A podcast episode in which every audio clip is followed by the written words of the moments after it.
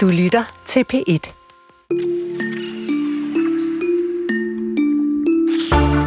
Indtil for ganske nylig, der gik der en britisk sovnepræst rundt på Færøerne, eller rettere, Peter Fleetwood, som han havde arbejdet på Færøerne i flere år for den katolske kirke, Mariokirken i Torshavn. Men nu har han opsagt sin stilling og er rejst derfra for bestandig. Og årsagen til hans exit, det er altså den danske lovgivning på udlændingeområdet, siger han. Den har nemlig gjort det besværligt for ham at rejse midlertidigt fra Færøerne, og som han giver ham en følelse af at blive overvåget. Det er den såkaldte forkynderlov fra 2016, som Peter Fleetwood henviser til og føler sig truffet af, som skal forhindre udenlandske prædikanter i at opbilde til ekstremistisk adfærd. Han siger selv til det katolske netmedie The Pillar, at den danske regering ser til synlæderne alle religioner som potentielt farlige i den forstand, at de kan skabe forvirring eller opfordre til praksiser, der er uacceptable i det danske samfund. Og det siger en britiske præst altså til det katolske netmedie The Pillar. Om et kvarters tid, der hører om et kvarter tid, der hører vi fra Flitbrug, og så taler vi med en professor i ret og religion fra RUK om, hvad forkynderloven har konsekvenser for præster og andre forkyndere generelt. Og vi bliver i det religiøse, eller i de højere luftlag, eller måske nærmere, og i virkeligheden i manglen på det hellige. For sidst i den her time tager vi med på udstillingen Gudernes Lager, hvor den øh, danske kunstner Hanna Totiki undersøger, hvordan man finder mening i en del af verden, hvor Gud og begrebet om Gud for længst er blevet erklæret dødt af de fleste. Men vi lægger ud med folkeskolen i forandring. Velkommen til anden time af Kulturen med Linnea Albinus Lande og Chris Pedersen. Foran en tysk plakat af det periodiske system på Mosedskolen i Greve, præsenterede børne- og undervisningsminister Mathias Tesfaye her til morgen regeringens udspil til en ny folkeskole. Velkommen hertil. Til Mosedskolen i Greve. Velkommen til pressemøde omkring regeringens folkeskolepolitik. Udspillet hedder Forberedt på fremtiden 2. Regeringen har fremlagt 35 forslag, der skal højne kvaliteten, bekæmpe uro i klasserne og skabe stærke fællesskaber. Og et af de områder, som regeringen har ønsket at prioritere, det er den praktiske undervisning. Så hvad betyder de her 35 forslag, hvis man er elev? Lad os prøve at tage en, en pige. Hun går i 8. klasse. Det kunne være her på Mosedskolen. Hvad vil det betyde for hende? Jeg kan ikke gå alle 35 forslag igennem, men det betyder for eksempel, at hun i dag vil have to lektioner om ugen, som hun selv har været med til at vælge. I fremtiden der vil en elev i 8. klasse have tre gange så mange, altså seks lektioner om ugen, som man selv har været med til at vælge. Det giver større valgfrihed, men det vil også betyde, at en større del af undervisningen vil foregå i et faglokale. Et sted, hvor man ikke sidder ned hele tiden, og hvor man får flere sanser i spil. Og det sagde altså børne- og undervisningsministeren Mathias Tesfaye i dagens pressemøde. Regeringen den vil altså indføre flere timer i de praktiske valgfag, som for eksempel madkundskab, musik eller håndværk. Ambitionen er at have en mere varieret og praktisk undervisning, og så er det at løfte motivationen blandt de ældste elever i folkeskolen, som så skal have mere frihed til at vælge fag efter de ønsker og behov, de har. Det skriver Ritzau. Og kulturens reporter Nana von Thornberg, hun har talt med formanden for en faglige forening for håndværk og design, Irene Egeskov Andersen. Og først spurgte hun ind til, hvad formanden synes om regeringens opprioritering af de praktiske fag. Det kan vi da kun være glade for, fordi skolen er jo alt for teoretisk og mangler noget praktisk. Så det synes jeg, det er en god idé, at der bliver flere midler til det. Hvad mener du, de her praktiske fag, og især håndværksundervisningen, kan, kan bidrage med på skoleskemaet? En større øh, erkendelse hos børnene af, hvad de kan formå, hvad de, hvad de kan med dem selv. Altså, og lære noget mere om dem selv. Det er den ene ting. Den anden ting, det er, at man jo lærer rigtig meget gennem hænderne. At når man bruger hænderne til at danne erfaringer med, i stedet for at høre, kun at høre om noget, eller kun at se om noget. At når man har haft hænderne og kroppen i gang, at så er læringen øh, mere konsolideret. Eksempelvis så siges der jo også, at man øh, bliver bedre til at skrive, hvis man skriver med hånden frem for på computeren. Fordi hånden har udført nogle bevægelser. Og hvordan oplever I opbakningen til håndværksfaget fra eleverne? Generelt er, de, er det positivt, og generelt er de glade for det, fordi det er øh, nok for eleverne er det lidt sådan øh, et afbræk i en meget teoritung boglig skole. Men det er jo ikke et pausefag, det er jo et fag med sine egne læringsmål og sine egne øh, fagligheder osv. Ja. Men der kan eleverne jo godt opfatte det som, at nu får hovedet lige lov til at holde fri. Er sådan lidt karikeret. Er, er du tilfreds med det her udspil, øh, folkeskoleudspil? Det havde selvfølgelig været rigtig dejligt, hvis der var blevet præciseret lidt mere, hvorhen det er, man vil øh, tage de timer, man vil konvertere til valgfagstimer. Det kan man givetvis gøre på forskellige måder. Og der tænker jeg, at der er en af måderne, man kan gøre det på. Jeg har selv undervist i matematik i mange år, så derfor kan jeg godt tillade mig at snakke lidt om det. At øh, der, der er nok nogle områder inden for matematikken, som man måske ikke behøver at arbejde med i folkeskolen, som egentlig hører bedre hjemme på handelsskolen, teknisk skole, gymnasium, hvad det nu, altså STX, hvad det nu er for et, et detaljeområde, det drejer sig om. Sådan at man øh, kon- koncentrerer sig om basisfærdighederne i folkeskolen. Der bliver jo også talt om, at akademikere kan få en merituddannelse og dermed blive lærer i folkeskolen for at øh, tage højde for lærermangelsituationen. Ja. Det er jo selvfølgelig også en interessant tanke. Øh, men det her, jeg tænker lidt, det er, at så får man endnu flere akademikere, som underviser i skolen.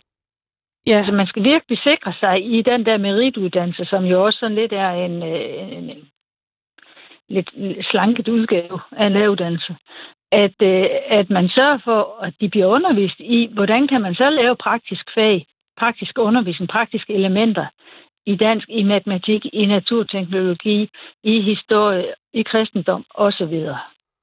Jeg har oplevet masser af elever, som, øh, som blomstrer i det praktiske. Altså for eksempel så for nogle år siden, så havde vi en elev på valghold, og jeg ved ikke rigtig, hvordan og hvorledes vi kommer ind på det. Altså jeg har nok haft eleven i næsten et år eller sådan noget. Så, så kigger han sådan, helt, sådan lidt skræmt op på mig og siger, jamen jeg er jo ordblind. Siger, er du ordblind? Nå, altså, det ved jeg ikke noget om. Det betyder ikke noget hernede. Der er det ikke det, du skal. Så altså, man skal sørge for, at de praktiske fag, de bliver holdt praktiske. De må ikke blive teoretisk akademiseret. Og det var altså formanden for den faglige forening for håndværk og design, Irene Egeskov, som vi hørte her. Kulturen har også talt med formanden for Musiklærerforeningen, Karen Kjær Johansen, om hvad det kommer til at betyde for musikundervisningen i folkeskolen, at antallet af valgfagstimer bliver øget. Det synes jeg er dejligt. Det understøtter jeg fuldt ud. Det har vi manglet, øhm, men der er jo også nogle udfordringer forbundet med det. Generelt står vi med en udfordring, øh, som peger ind i, at der mangler lærere til at varetage musikundervisningen i folkeskolen. Og der bliver uddannet færre og færre lærere. Det er en, en nedadgående kurve, og faktisk meget kraftig nedadgående kurve for, for de studerende, der vælger musik og bliver uddannet musiklærer. Og jeg kunne se, i går kiggede jeg på kompetencedækningstallet for musiklærerne inden for valgfaget. Det er, det er blevet målt i tre år, og for de tre år er det også et faldende tal. Det betyder, at, øh, at skolelederne hvert år melder ind, har jeg lærere, der er uddannet til at varetage det her fag, enten uddannet eller har lignende øh, eller tilsvarende kvalifikationer til at undervise i det fag, som lærerne er inde og undervise i. Og vi ved, at der er, øh, der er mange skoler, som ikke har uddannet musiklærer. Så det bekymrer mig, at, øh, at vi mangler lærere, og hvis man øh, øger timetallet i musik, hvilket jeg synes ville være fantastisk, så mangler vi jo flere lærere. Vi har nogle lærere, der kommer fra musik- og kulturskolerne og underviser ude i folkeskolerne. Øhm, og der vil jeg så se, at der skal skrues op og der skal, øh, der skal tilføjes flere lærerkræfter derfra. Drømmescenariet starter på læreruddannelsen. Øhm, det starter med, at når øh, de studerende vælger musik på læreruddannelsen, så får de noget mere undervisning, end de gør i dag. For det er desværre sådan, at øh, undervisningen der er så mangelfuld. Ikke forstået på indhold, men forstået på den tid, som de studerende bliver undervist. Så de har simpelthen ikke lært nok, når de kommer ud og skal være musiklærer. De er dygtige, men de har ikke lært, lært nok, og de har ikke øvet sig nok i at være musiklærer, når de kommer ud i en skole, hvor de er en mangelvare, så øh, oplever vi desværre også tit, at, at de får alt for mange timer, og det kan være svært at holde til, når man er nyuddannet og måske ikke helt har de kvalifikationer, der faktisk kræver for at løfte det fag. Det kan blandt andet være på deres øh, på hovedfag, på klaver eller guitar, akkompagnementspil, så man kan, simpelthen kan lede en musikteam fra et klaver eller fra en guitar Der er jo ønske om for eksempel morgensang på rigtig mange skoler, men øh, hvis man ikke har lært sig nok til at kunne spille til de her fællessange, så, øh, så er det virkelig, virkelig svært at skulle varetage den opgave. Så drømmescenariet er, at øh, de får, øh, får tilføjet nogle timer på læreruddannelsen, så de simpelthen når at lære det, de, de har behov for. Det var Karen Kjær Johansen, formand for Musiklærerforeningen, og hun havde talt med kulturens reporter Nana von Thornburg. Og den praktiske undervisning kommer ikke til at betyde flere timer på skolebænken. Den tid, øh, der bliver, der bliver tilbudt de praktiske fag, den bliver skåret fra andre fag på skoleskemaet. Og hvilke, det vil Mathias Tesfaye ikke svare på endnu. Til DRDK udtaler han, at det vil blive diskuteret med resten af partierne fra folkeskoleforliget.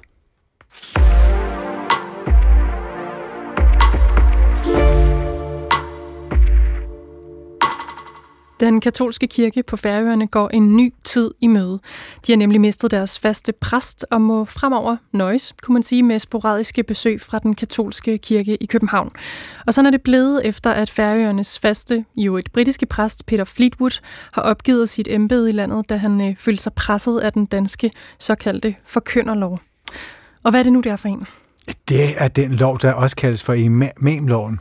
En lov, der blev vedtaget i december 2016 for at gøre det ulovligt at utryggeligt bifalde terrorisme, voldtægt, incest og en række andre grusomheder som en del af en religiøs oplæring. Og det er altså den lov, der nu har jaget præsten på færgerne bort ifølge Peter Fleetwoods eget udsagn.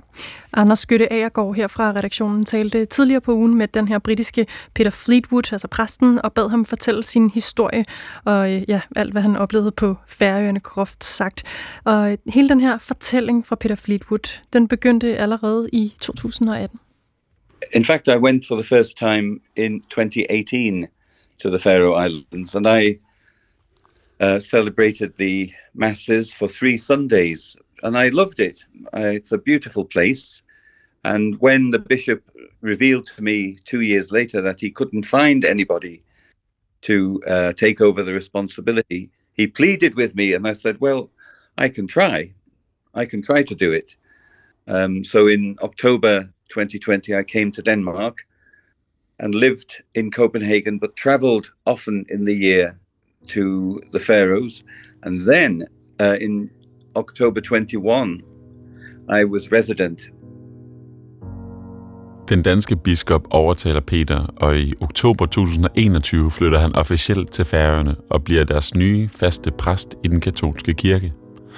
Livet på Færøerne bliver hurtigt hverdag, og især landskabet er stadig et klart minde for Peter. It's um, a beautiful place to look at. Um, the winter was not as cold as Copenhagen, I was pleased to discover, although sometimes uh, ice made it very difficult to move around. Um, in the summer, I think the temperature never goes very high, and uh, people may not want to hear this, but I sweated only twice mm. in the three years. Um, it, it, never gets really warm. Um, but it is sometimes astonishingly beautiful in the in the summer. But that's only the landscape and the the, the uh, nature. Um, getting used to Faroese culture was more of a challenge. Ja, kulturen bliver en udfordring for Peter. Han kommer til Færøerne, mens coronaen går sin gang, og ensomheden bliver hurtigt en fast del af hverdagen på de nordlige klippeøer. When I went to the Faroes, I found there was not much to do because it was still COVID and um, not many people to talk to. And what surprised me was when COVID came to an end, that really didn't change very much. Uh, I very rarely had a visit to the house. Um, and it was difficult during COVID to visit people in their homes. But gradually, as things settled down, uh, I began to visit a few people but not as many as I would have liked. And I felt that was necessary because otherwise I would never get to know them at all, really. Um, and uh, fortunately, that start was the start of some good friendships. But but did you and end then, up like living in the Faroe Islands? I, um, as I said at the beginning, it's a beautiful place to look at, but I didn't really enjoy being so lonely. Mm. I've never been as lonely as I was there. Um, and I didn't expect that. I knew it was not going to be a busy life in the form I've been used to in other jobs I've had. but I didn't realize it would be so isolated uh, for me uh, within the community. Mm. So I didn't I didn't like it in the end. Ensomheden tager overhånd og bliver så stor en udfordring, at Peter sidst ikke nyder livet på færøerne længere. Han giver dog ikke op, fordi han kan mærke, hvor vigtigt det er for kirken at have en præst, der bor på færøerne. Lige siden Peter flyttede til færøerne, har der dog været en særlig følelse groende i ham. Det er også den følelse, der ender med at blive det sidste punktum for hans tid som præst på færøerne. Inden vi når dertil, så fortæller Peter her om, hvordan han først blev påvirket af de danske love. I came into into Denmark as still a European Union citizen. But as you know, Brexit changed that. So by the time I went to reside in the Faroes, uh, I was treated as an alien. Um, so um, it, they every, they insisted that every single time I left the Faroes, at least a month before that, I had to give them my passport and uh, ask formally, using a, a, an official form, for a re-entry permit. Um, and if I ever missed that date, they warned me the, the date of re-entry. If I missed that, they warned me I would have to go to the Danish embassy in London to receive a new um, re-entry date. Uh, even if I was in in Denmark, I couldn't go to the British embassy there. I had to go to the Danish embassy in in London. Um, it was all quite complicated. Hver gang Peter skulle væk fra færgerne, skulle et bundt af officielle formularer sendes til godkendelse. Og når han skulle hjem, så var det med strenge ordre om, at hvis ikke han var hjemme på den planlagte dato, ja, så skulle han troppe op på den danske ambassade i London for at udrede situationen. Peter tror dog her stadigvæk, at det er fordi, han har et britisk pas, og de ikke er medlem af EU. Det går der op for ham en dag, at det intet har med hans britiske pas at gøre. Well, I kind of accepted it, but thought it was very demanding uh, and a bit too much, really, uh, asking too much of me. But I, I, didn't really get the picture until I said to one of the police officers in Torshavn, I asked her, would it be different if I got an European Union passport? I have a right to an Irish passport. And she said, no, it's nothing to do with Brexit. It's because you're a foreign religious worker. Mm. So then I had to look it all up. Um, I had to look it up uh, on the New E Denmark page on uh, the web. And there I found out exactly what it was all about. Um, there is an exclusion list. Uh, I'm not on it, thank goodness. Um, uh, the exclusion list is full of people's pictures and names, not the reason for exclusion. Um, they all happened to be Muslim clerics. Um, so I gather the purpose of the law was to restrict the activities of certain people regarded as possibly a threat to uh, Danish society, or certainly to Danish values. Ja, det viser sig, at den store skepsis og de strenge udrejseordre ikke skyldes, at han har et britisk pas, men i virkeligheden, at han er en udenlandsk religiøs arbejder. Det betyder ifølge ham, at nogen i det danske system ser ham som en trussel mod de danske værdier. Jeg spurgte ham, om han også selv følte sig som en trussel. Well, that's, that's the way it began to appear. That um, someone in my position, not me particularly, but someone in my position was treated exactly the same as somebody from a radically different culture, a radically different religion, to be honest. Um, what I had imagined was that the similarities between British culture and Danish culture, and between the British past of Great Britain and the British past of Denmark, would mean that I would be treated as a more of a friend than a threat. Do you know what I mean? Ja, han havde regnet med at være set mere som en ven end som en trussel, men sådan var virkeligheden ikke. En dag bliver det nok, og Peter beslutter sig for, at han ikke længere vil finde sig i mistroen til ham. I was coming home for my summer holiday in uh, 2022, and I spoke to my Archbishop in Liverpool, and I said, look, this is the situation. And I, I mentioned some difficulties in the parish, but they're normal difficulties you would have in any parish. And then I mentioned this law, and I said, to be honest with you, I'm too old to be doing this. I, it's it's like a strange game, and I don't like the game." And he said, "No, I can see exactly how you feel." Um, so I asked him permission to tell the bishop in Copenhagen that I would be finishing the following August, and uh, he agreed. Uh, the fact that he agreed so quickly made me think that it wasn't just me being odd and being sensitive; it was just an odd system mm. that we were dealing with. Forkynderloven, som er roden til hele mistænkeliggørelsen, bliver dråben, der får bæret til at flyde over for Peter, som i august 2023 forlod den katolske kirke på Færøerne. Kirken står nu præcis det samme sted, som inden Peter drog afsted på, hvad der skulle have været et eventyr i det kolde nord. Ifølge Peter er der ingen tvivl om, hvor vigtigt det er for kirken at have en præst, der bor på Færøerne. Well, I think it shows the commitment of uh, the official church to the people of the Faroes. Uh, is one thing. Also, uh, technically, you would be able to get to know people better and know the situation better, and uh, they would get to know you and uh, understand you, and and you know, it's much better to have a consistent voice rather than many different voices uh, changing all the time. Some variety. What I'm trying to say really is that some variety is obviously very good, but really you need a, a base of uh, continuity, and that's difficult without somebody who lives there. Peter må altså se sig selv slået af det danske retssystem, og de færøske katolikker må fremover nøjes med sporadiske besøg fra katolske præster i København. Jeg spurgte afsluttende Peter, om hele situationen har ændret hans tanker om Danmark. A little bit. Um, it worries me that there are possibly tendencies within Denmark that are very xenophobic almost, or even, um, I wouldn't say racist, but certainly xenophobic, afraid of foreign influences. Um, but my experience of Danish people has always been very good. Danish individuals and friends and colleagues. I've never had any problem. This just seems to be a a, uh, a legal problem and uh, part of the constitution. Um, but I don't know what can be done about it because there does seem to be a fear of foreignness and foreigners. It's just this seems to be an odd element of politics at the moment that I don't think is very healthy.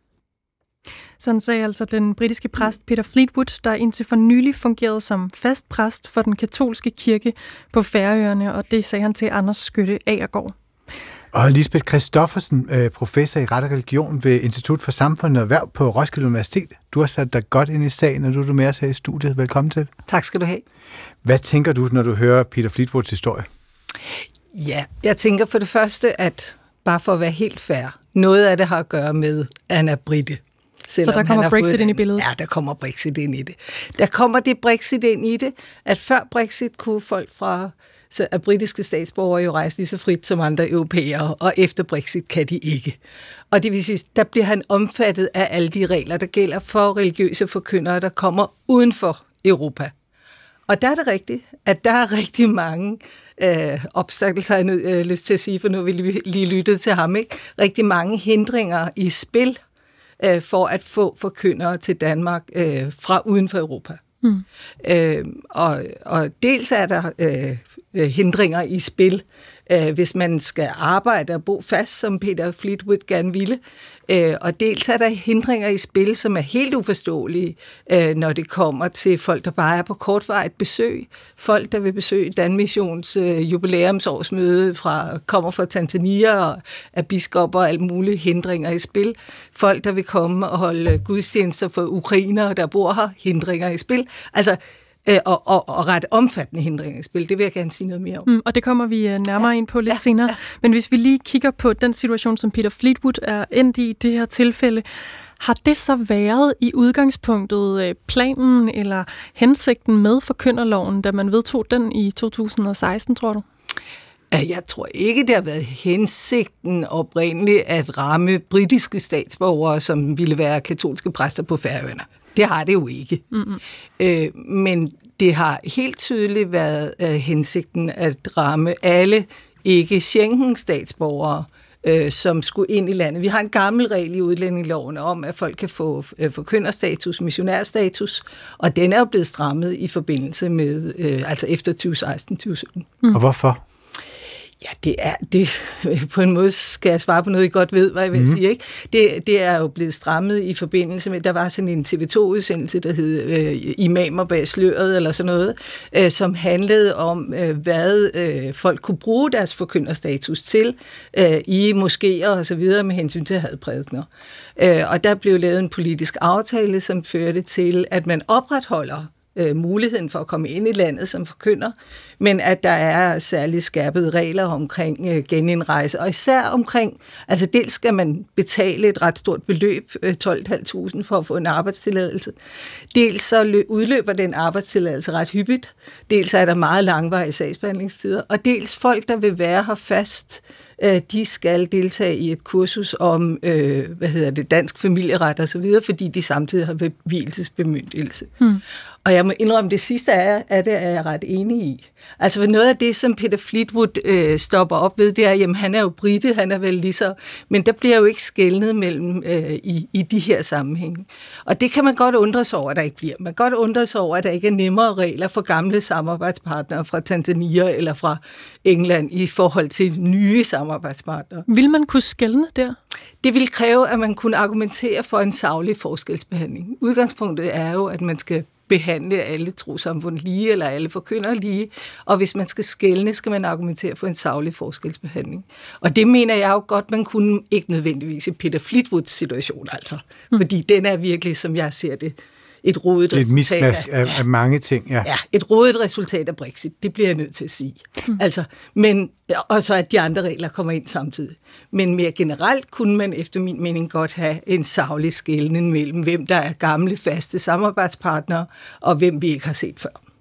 Jeg kan heller ikke være med at tænke det, som om der er mange følelser på spil, når, når, når, han, når han taler at, at det, der ligger der måske noget der med, at han heller ikke helt forstår konsekvenserne af Brexit, at der også ligger en, en uforståen der, som gør, at det hele bliver lidt rodet sammen? Altså for mig er det et sidespor, men det er der jo ikke nogen tvivl om, at øh, øh jeg tror, vi alle sammen, og i hvert fald alle lyttere også kender englænder, som har sagt, hov, var det konsekvensen af Brexit? Det havde jeg ikke set. Øh, og det, han, han kommer jo i klemme, fordi Brexit sker, mens han, han er på en missionsrejse. Han vil gerne bo fast på færøerne. Han vil gerne prøve at gøre, hvad han kan for at gøre det. Og så kommer alle de her obstakler ind. Men hvis vi skal gå væk fra hans konkrete mm. situation og til de mere generelle ting, han peger på, så er det jo rigtigt, at den lovgivning, øh, vi har fået efter 2016 i forhold til forkyndere, er meget stram. Og ikke alene er lovgivningen stram, men den administreres også meget stramt og meget langsomt. Mm.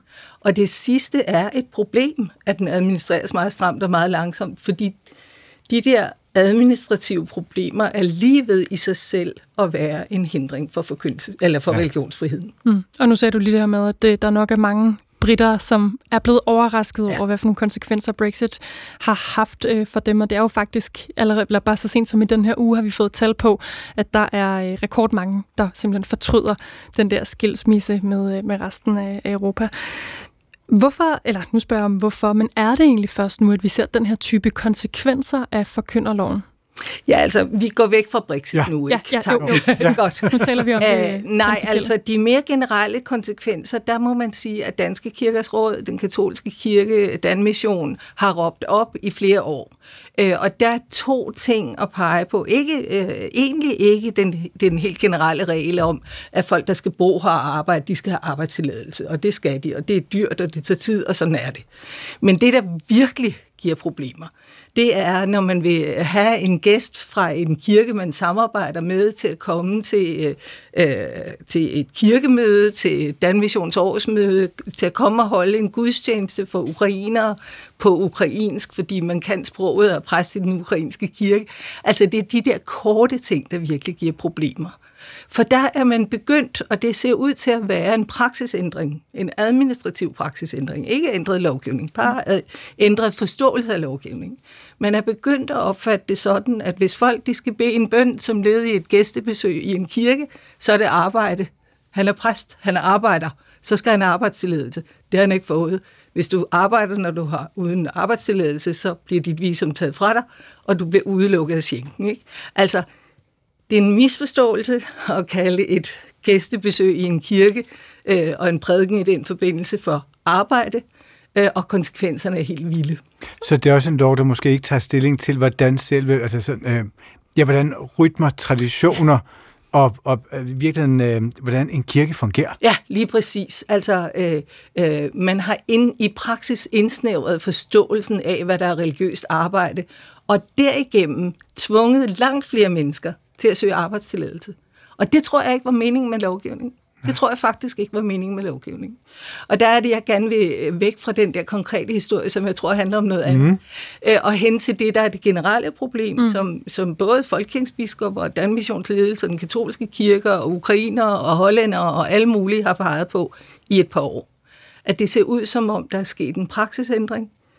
Så bare det at være gæst og blive inviteret til at komme med en hilsen i en gudstjeneste bliver opfattet som arbejde. Og så skal man altså betale 12.500 plus vente 8 måneder på at få en arbejdstilladelse. For og så er festen jo ligesom forbi. Ja må man sige. Tror du, der findes mange flere eksempler, eller Peter Fleetwoods, altså nu tager vi altså Brexit aside selvfølgelig, ikke? men hvor forkynderloven på den her måde er, er problematisk, altså som vi ikke kender til? Der findes dels en del eksempler som Peter Fleetwoods, hvor det handler om, at øh, man gerne vil være her og arbejde og, og forkynde, og hvor man synes, at de regler i sig selv er stramme, og hvor man synes, at det i sig selv er et problem. Og der er mit indtryk, at det har kirker og trosamfund lært at leve med. Når det er en, man gerne vil have til for en varig periode, så ved man, at det tager lang tid. Der, hvor der findes virkelig mange problemer, og som ingen kan leve med, det er, når man gerne vil invitere nogen til en konference en uge, mm. og de så får at vide, øh, og, og man vil gerne høre dem prædike, eller lade dem bede en bøn, eller lyse velsignelsen med præstetøj på, og de så får at vide, det er arbejde, du skal betale 12.500, og det tager 8 måneder. Der er, de der, der, der er simpelthen sket en omtolkning, som, som i sig selv er en hindring for udøvelse af religionsfrihed. Mm. Tror du, den omtolkning den er sket med fuldt overlæg? Ja, det er jeg nok nødt til at sige, at den er. Øh, Danske Kirkers Råd havde et møde med en tidligere integrationsminister, som synes det lød øh, fornuftigt ikke at gå så stramt til værks. Øh, Danske Kirkers Råd har prøvet at kontakte det den nuværende integrationsminister, som i hvert fald ikke indtil nu har ønsket at vende tilbage og løsne på den fortolkning. Og det, øh, øh, når jeg sådan, som forberedelse til at snakke med jer her i dag, lige har slået op på diverse hjemmesider, så har jeg kun set, at det har været et problem hele sommeren i alle mulige sammenhænge. Mm. Ja. Nå ja, og det er jo også, altså nu har jeg sagt ukrainer et par gange, eller andre sådan små religiøse grupper, hvor vi gerne både i Folkekirken og i de andre trosamfund vil vise gæstevenskab, stille kirkebygninger til rådighed og alt muligt. Men når der så er store kirkelige fester, så vil de måske gerne invitere en præst hjemmefra til at komme en uge, altså til påske, når man er ukrainer, eller hvad det nu er, til, eller komme og døbe børnene. Ikke? Og det kan de jo ikke, hvis de skal betale 12.500 og vente 8 måneder. Mm. Og det er det, jeg mener med, at det er en reel hindring administrative hindring for udøvelse af religionsfriheden, og det går altså ikke. Du nævnte lige integrationsministeren, og vi har selvfølgelig rækket ud til ham, altså udlændinge og integrationsminister Kort Dybvad, for at høre hans øh, holdning til den her konkrete sag. Så nu kigger vi lige kortvejt på Peter Fleetwood igen. Øh, Kort Dybvad havde ikke mulighed for at øh, medvirke. Han skriver derimod i et øh, skriftligt svar, Lisbeth Christoffersen, som jeg tænkte, du lige ville være interesseret i at høre. Jeg hverken kan eller vil gå ind i den konkrete sag. Mere generelt mener jeg, at vi som land har en interesse i, at udlændingelovens regler er indrettet på en måde, der understøtter bekæmpelsen af ekstremisme og antidemokratiske religiøse forkyndere i det danske samfund. Jeg er dog også bevidst om, at processen for at opnå arbejds- og opholdstilladelse som religiøs forkynder kan virke besværlig og unødvendigt byråkratisk. Vi tilstræber altid, at sagsbehandlingen er så let og smidig som muligt.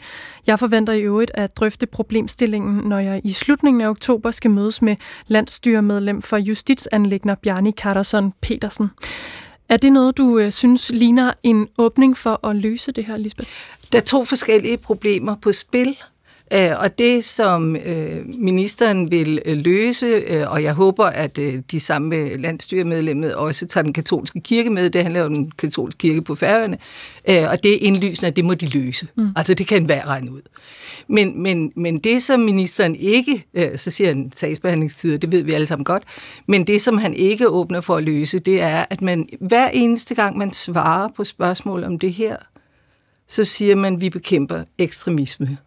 Og det er jo en dyb provokation over for øh, ledende kirker i det her land, som gerne vil samarbejde med de kirker, de selv har været med til at grundlægge i Tanzania, eller de kirker, de samarbejder med den første kvindelige præst i Libanon, skulle have kommet i sommer og kunne. Hun fik præcis at vide, vi bekæmper ekstremisme, derfor kan du ikke komme. Så nogle begreber er man nødt til at nøjes med at bruge over for dem, man mener er ekstremister dem kan man jo ikke bruge over for en hvilken som helst præst fra Ukraine, eller en hvilken som helst biskop fra, ja, fra Nigeria, som, øh, som lige er blevet afløst af en dansk biskop som leder af det lutherske verdensforbund. Kan vi invitere ham, eller skal han også have at vide, at han er ekstremist, før han kommer ind?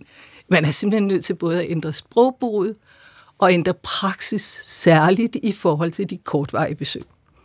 Tak til dig, Lisbeth Christoffersen, og du er professor i ret og religion ved Institut for Samfund og Erhverv på Roskilde Universitet. Som sagt har vi jo øh, ragt ret ud til udlændinge- og integrationsminister Kåre Dybvad, men som kun ville medvirke med det skriftlige svar, vi læste højt før.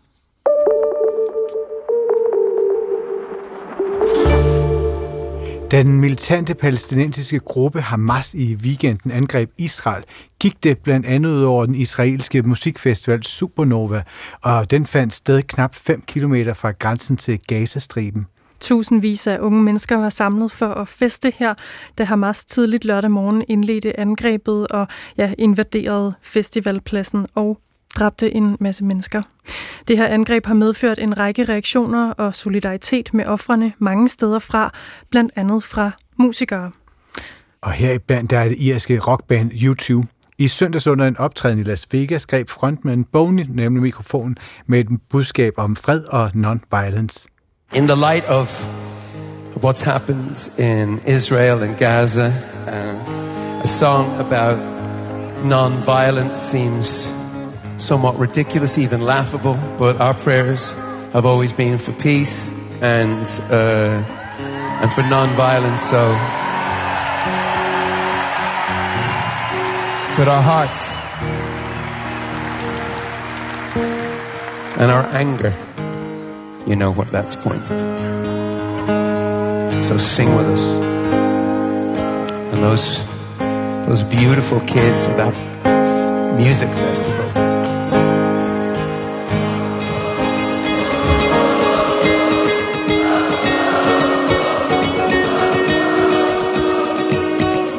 Early morning, October 7th, as the sun is rising in the desert sky.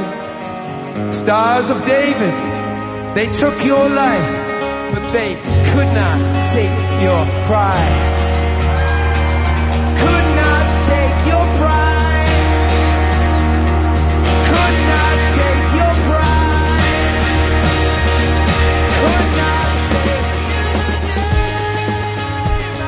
Sagde altså Bono, efter hittet Pride blev spillet, men med en ny tekst. Her har YouTube ændret den gamle tekst til Early Morning October 7th, altså med en direkte reference til angrebet på musikfestivalen Supernova, der fandt sted netop tidlig morgen i lørdags den 7. oktober. Bono refererer til offrene for angrebet som Stars of David, altså jødiske Davidstjerner på himlen. Og det er ikke tilfældigt, at YouTube bruger sangen Pride in the Name of Love til at udtrykke sit fredsbudskab. Sangen var allerede inden tekstændringen en form for protestsang.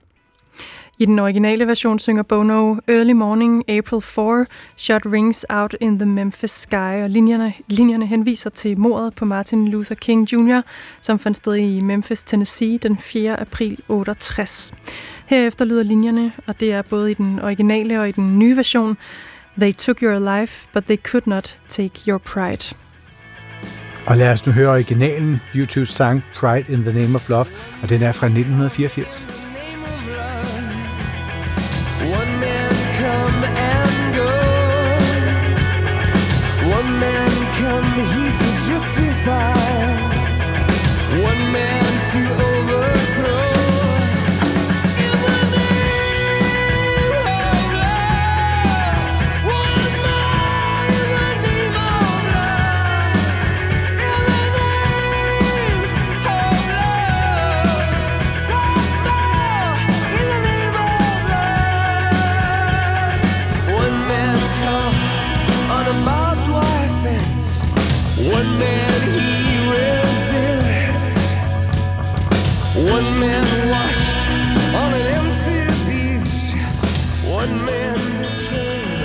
arbejdstimer og skytsengle, det er ikke to begreber, man hører så ofte i sammensætning.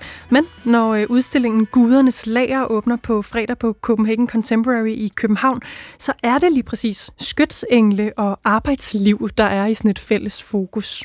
Den danske kunstner Hanna Tortiki er nemlig dybt interesseret i, hvorfor arbejdslivet fylder så meget hos os moderne mennesker, og hvorvidt det måske er på tide at sætte spørgsmålstegn ved vores forhold til blandt andet overarbejde og alt forfyldte inboxe. Derfor har hun lavet et helt lager med skytsengle, som vi moderne mennesker måske godt kunne have brug for.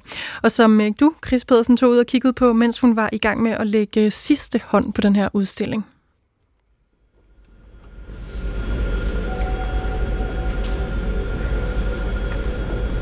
Hvad er alle de her små sædler? Det er titlerne til øh, alle skytsenglene, som hænger hernede i det lysrøde rum. Og øh, ja, det er faktisk noget af det sidste, jeg skal lave. Jeg skal ned og placere dem, så at det er de rigtige titler, der kommer til at stå ved de rigtige værker. Jeg kan jo lige gå ned til englene, så kan jeg prøve at lægge nogle af titlerne ud, og så kan du se, hvad nogle af dem hedder. Altså, jeg har været ude på i alle mulige forskellige sammenhænge, både på højskoler, men også i skriveklubber og efterlyst øh, bidrag på de sociale medier og fået folk til at skrive skytsengle. Jeg har spurgt dem om, om de ville beskrive en skytsengel, som enten var en, de savnede i deres liv, øh, som ikke var virksom, fordi at der er så lidt plads til det åndelige, som altså så derfor en skytsengel, der hænger på gudernes lager, øh, eller en skytsengel, som de har. Og så har jeg lavet øh, en række, omkring 30 skytsengle vinger, ud for det, som hænger her på lageret. Jeg kan se, der er en engel for overarbejde. Der er også en engel for overarbejde, ja, for det er også et tema, der går igen. Det er jo selvfølgelig også, altså de ting, jeg trækker ud, det her er jo ikke en empirisk undersøgelse. Så det er jo også nogle te- temaer, som har været på spil i min praksis i mange år, og jeg har været meget interesseret i arbejdsliv, og det er faktisk fra den lidt skæve vinkel, at jeg overhovedet er kommet ind på det her med religion og tro, og hvad, hvordan det åndelige ligesom kan eksistere i vores øh, hverdag. Fordi at øh, det lå absolut ikke lige så højre benet. Så det er igennem undersøgelsen af, jeg har beskæftiget mig meget med protestantisk kalsetik og øh, kigget på, hvordan at det stadig ligesom er aktivt og virksomt i vores tilgang til arbejde, selvom at vi ligesom jo, mange af os i hvert fald har lagt øh, de religiøse dele væk, og at samfundet er sekulært. Så det er super svært at argumentere imod, når Mette Frederiksen står og siger sådan, vi skal arbejde mere, vi skal arbejde hårdere, fordi det på en eller anden måde føles rigtigt, og det er en følelse, jeg genkender. Så det, er ikke, altså det kommer jo også fra mig selv, det kommer jo også fra den her oplevelse af at simpelthen knokle røven ud i bukserne og være sådan lidt, hvorfor gider jeg det? Øhm, og det, det tror jeg har rigtig meget at gøre med vores religiøse afgås. Og, øh, og, og det, det har faktisk lidt mig på sporet af, hvorfor jeg overhovedet ville lave et lager. Fordi der er nogle ting, som jeg tænker, det kunne være godt at blive mere bevidst om, det kunne være godt at måske tage nogle opgør med, øh, og simpelthen smide på lager. Vi står over for den her, det er skytsenglen for overarbejde. Det er, øh, den hænger i sådan nogle, hvad der kunne ligne en grøn strikket strikkelastik. Ja. Og så den bronzemalet ja. og gul. Ja. Og måske er det metal, eller er det en form for tekstil, som er blevet bemalet? Øh, det er faktisk plastik. Ah. Ja, som er sådan øh, den vinge, der først er lavet faktisk ud af rigtig fjer, og så er der støbt noget plastik ovenpå det. Øh, eller det er ikke helt rigtigt at sige støbt, det er faktisk sprøjtet ovenpå. Det er sådan et materiale, der hedder Line X. Nu bliver det lidt nørdet. Men det er sådan noget, man kan lægge som en belægning i flere og flere og flere, flere lag. Og så når man har den tykkhed og tekstur, man gerne vil have, så kan man patinere det. Og så kan det komme til at ligne, ja, som du ser, bronze eller plast, eller hvad man ved, den derovre er lavet i det samme materiale.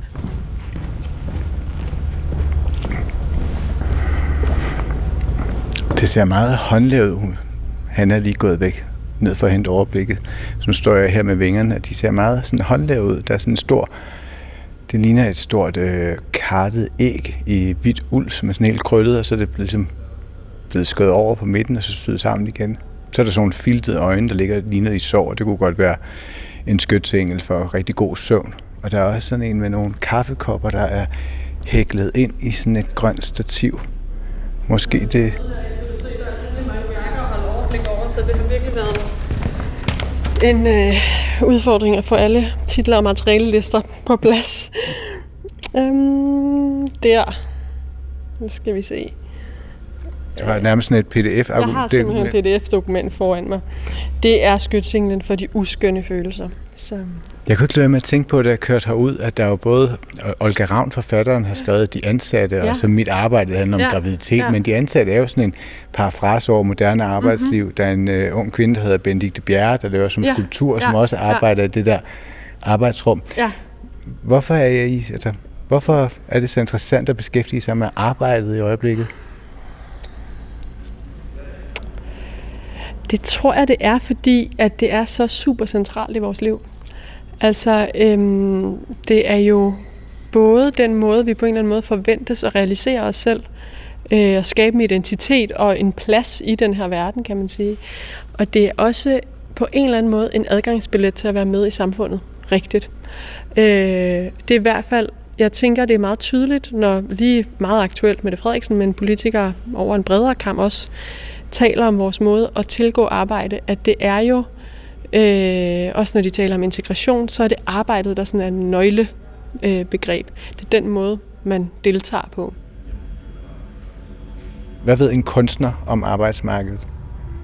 Jamen altså, jeg vil cirka det samme som alle andre freelancere ved om arbejdsmarkedet, og det er vel efterhånden halvdelen af os. Øh, jeg vil sige, der er jo, der er jo en forestilling, synes jeg, om kunstneren som det her geni, der sidder op på sit loftsværelse, får inspirationen. Apropos fra Gud ud igennem fingerspidserne, og så flyder det bare. Der er ikke noget, der hedder husarbejde, der er ikke noget, der hedder økonomi. Hvis der er, så er det, fordi de er meget fattige. Der er det her billede på en kunstner, øh, og hvordan vi producerer som jeg bare må afsløre, at det er bare ikke sådan, det foregår. Altså. Det ligner sikkert en hver anden arbejdsplads, hvis man kommer ud til mig. Der er et morgenmøde, vi planlægger, hvad der skal ske i løbet af dagen. Vi har en Google-kalender, hvor der står, hvornår der kommer transport. Der skal bestilles nogle materialer, og det skal være en rigtig farve, og du ved, der er helt vildt mange praktikaliteter. Hvordan ser en arbejdsdag ud for en kunstner? Jamen, øhm, min arbejdsdag er, jeg er sådan en rigtig kedelig øh, 9-4 kunstner. Hvad betyder det?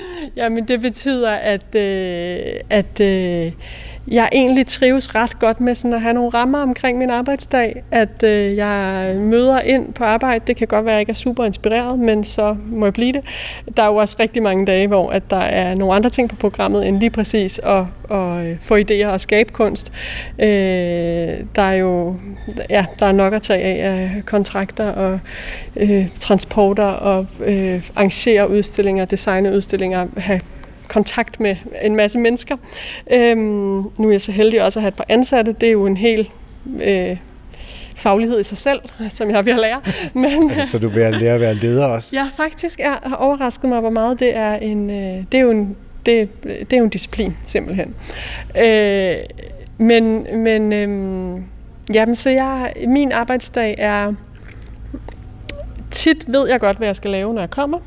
Øh, der er selvfølgelig altid en udviklingsfase i sådan et her projekt. Det start, for mig starter det tit med en researchfase, som gerne må være meget lang, hvor jeg læser mig ind på ting, hvor jeg tit er ude og lave nogle interviews, eller i hvert fald på en eller anden måde indsamle noget materiale, som jeg jo så kan mærke, ligesom, hvordan, hvordan resonerer det med mig, men det er også en måde at få en fornemmelse af, hvad resonerer ud i samfundet lige nu. Hvad er relevant? Hvad er det, vi hvad er det, vi skal starte en samtale om. Øhm, så det er tit der, jeg begynder. Jeg tror, jeg tror det, er, det er jo en specifik faglighed selvfølgelig, som man dygtiggør sig i, men jeg tror ikke, at arbejdsdagen nødvendigvis adskiller sig så meget fra alle mulige andre, der dygtiggør sig inden for et eller andet specifikt felt, og så bruger det. Har du mange ansatte, der hjælper med at, at sætte sådan en udstilling op? Altså selve det med at sætte det op, er jo tit institutionen, der står for det. Okay. Øhm, men når jeg producerer ud på mit atelier, så har jeg øh, forskellige... Jeg har ikke nogen fuldtidsansatte, jeg har en håndfuld deltidsansatte, og det er fordi, de skal kunne nogle meget forskellige ting simpelthen. Ah. Så der er jo nogen, der er eksperter i tekstil, og nogen, der er i keramik, og nogen, der er rigtig dygtige til øh, ja, bogføring og kontrakter og transporter og alt det, jeg lige nævnte. Så det, øh, ja, og man kan faktisk se det med, at, de skal være dygtige. Du både bruger tekstilen, og det er jo så keramik. Ja, ja, præcis. Men der er også nogen, der har syet nogle små puder. Ja, præcis. Vil du, ja. vil du beskrive, um, hvad det er her? ja, det kan jeg godt. Altså, det her er jo et, øh, et rum fyldt med kroner, eller i hvert fald abstraktioner over kroner. Øh, det er det er inspireret af det her med, at regenter igennem tiderne har brugt det guddommelige som legitimation for at øh, være øverst i hierarkiet. At være Guds repræsentant på jorden, eller have en forbindelse til guderne, øh, har jo været lige magt i rigtig mange øh, samfund, historisk set.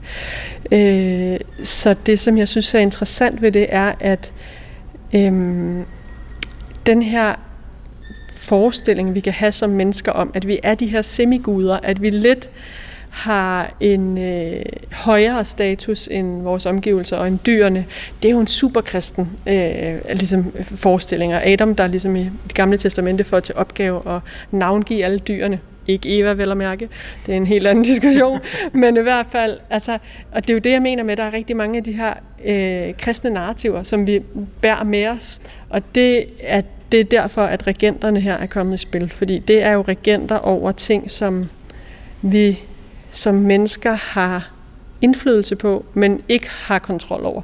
Og det er det kompleks, jeg synes er så spændende, fordi det er jo, det, det er jo, det er jo nærmest øh, på en eller anden måde, ja, da vi ender og rører ved noget af essensen ved at være menneske, det der med at have rigtig meget agens og indflydelse og magt på nogle måder, men også at være fuldstændig uden kontrol over for de rigtig store ting. Og jeg bliver jo lidt, ikke rørt eller bevæget, men øh, jeg er jo en af de der tyrannistyper, der har været nede med stress en gang, og nu står jeg over for sådan en krone, som er i sådan en um, gul, mm-hmm. men også sådan et lidt syret gul. Ja. Og så har den sådan et, øh. en lille grøn krans nede på ja. den, og den hedder... Regent over indbakken. ja. Og herover har vi så en anden lille regent. Ja, det er regenten over overarbejdstimer vi kan have en forestilling om, at vi har enormt meget kontrol, men, når man så, men, men vi har jo ikke engang kontrol over vores egen indbakke og vores egne overarbejdstimer. Der er en lille gruppe her, de her tre, de, de tre kløver, som hedder Regenten over karrierebane, Regent over trælse e-mails og Regent over gråd. Og de er jo et lille haiku tænker jeg på en eller anden måde. Øh, ja. Hvad betyder det for dig at give dem titler?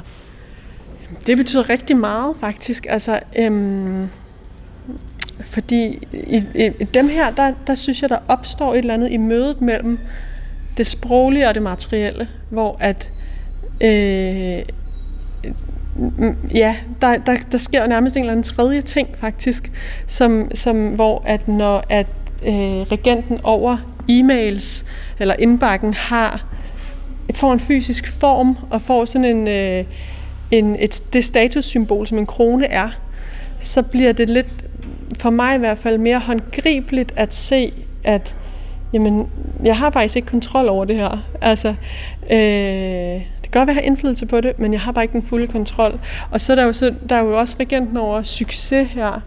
Der er regenten over... Den er ikke så flot, som jeg havde forventet. Nej, den, det... den er faktisk ikke så storslået. Den er ikke så storslået. Altså, jeg er jo selv meget, meget tilfreds med den her glasur, bliver jeg nødt til at sige. Men den er ikke shiny og lækker sådan på den måde, som nogle af de andre er. Og nu er det fredag med eftermiddag. Hvornår ja. har du fyraften? Øh, ja, hvad er klokken? Den er, det har jeg om to timer. Klokken 16.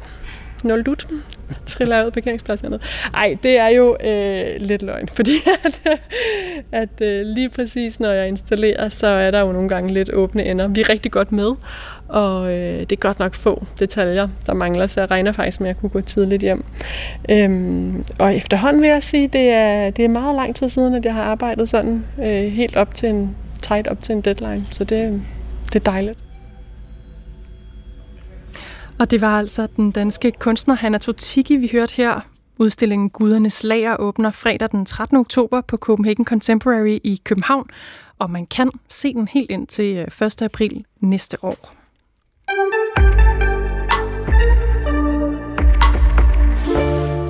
At internettet er fyldt med fake news og misinformation er næppe noget nyt. Men på det sociale medie X, tidligere kendt som Twitter, spredes der lige nu så vidledende oplysninger om kampen mellem Israel og Hamas, at EU de tager aktion. Thierry Breton, som er EU-kommissær for det indre marked, har skrevet et åbent brev til ejeren af X, Elon Musk, hvor han kræver, at Musk omgående sætter en stopper for spredelsen af misinformation på sit medie. Indholdet, som Breton påstår kan være i strid med EU's regler, omfatter store mængder af billeder, video og vidnesbyrd, som i løbet af de seneste dage har foregivet at være fra den igangværende konflikt i Gazastriben.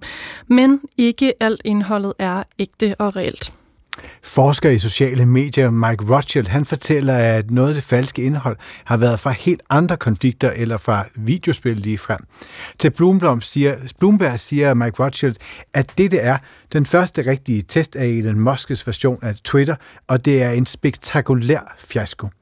Hverken X eller Elon Musk har kommenteret kritikken direkte, men mediets sikkerhedsafdeling skriver i et opslag, at de blandt andet har handlet ved at fjerne en ny X-konti med tilknytning til Hamas.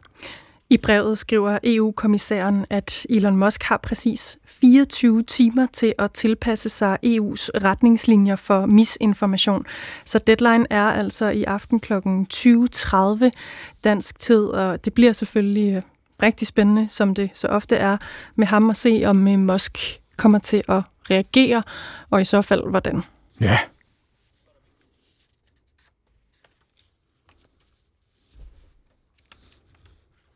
Hvordan er det at være ung i Kalundborg? Forfriskende. Forfriskende? Meget forfriskende. Jan Gindberg kaster sig hovedkuls ud i generationskløften. Han er virkelig gammel. Virkelig hvad? Virkelig gammel. I øjeblikket der er jeg i gang med at uddanne mig til fyrbøder. Damplokomotiv. Det var før Twitter og Facebook, det kan jeg love jer for? Det er jo kraftigt med det rene markræs, det her. Jeg kommer til at lyde som en ældre mor. Pas nu på, pas nu på. Ikke kør for hurtigt her. Hvad kan gå galt? Det hele. Alt kan gå galt. Vi optræder også til børnefødselsdag. Se Gindberg på kanten af generationskløften. Jeg har ikke lyst til at prøve igen, før jeg skal gå med voksen blæ. Nu på DRTV og 2030 på DR1. Kulturen er slut for i dag, produceret af Joachim Kruse Rasmussen. Og her i studiet, der var Linnea Albinus Lande og mig, Chris Pedersen. Vi er tilbage igen i morgen. Nu er der radiovis.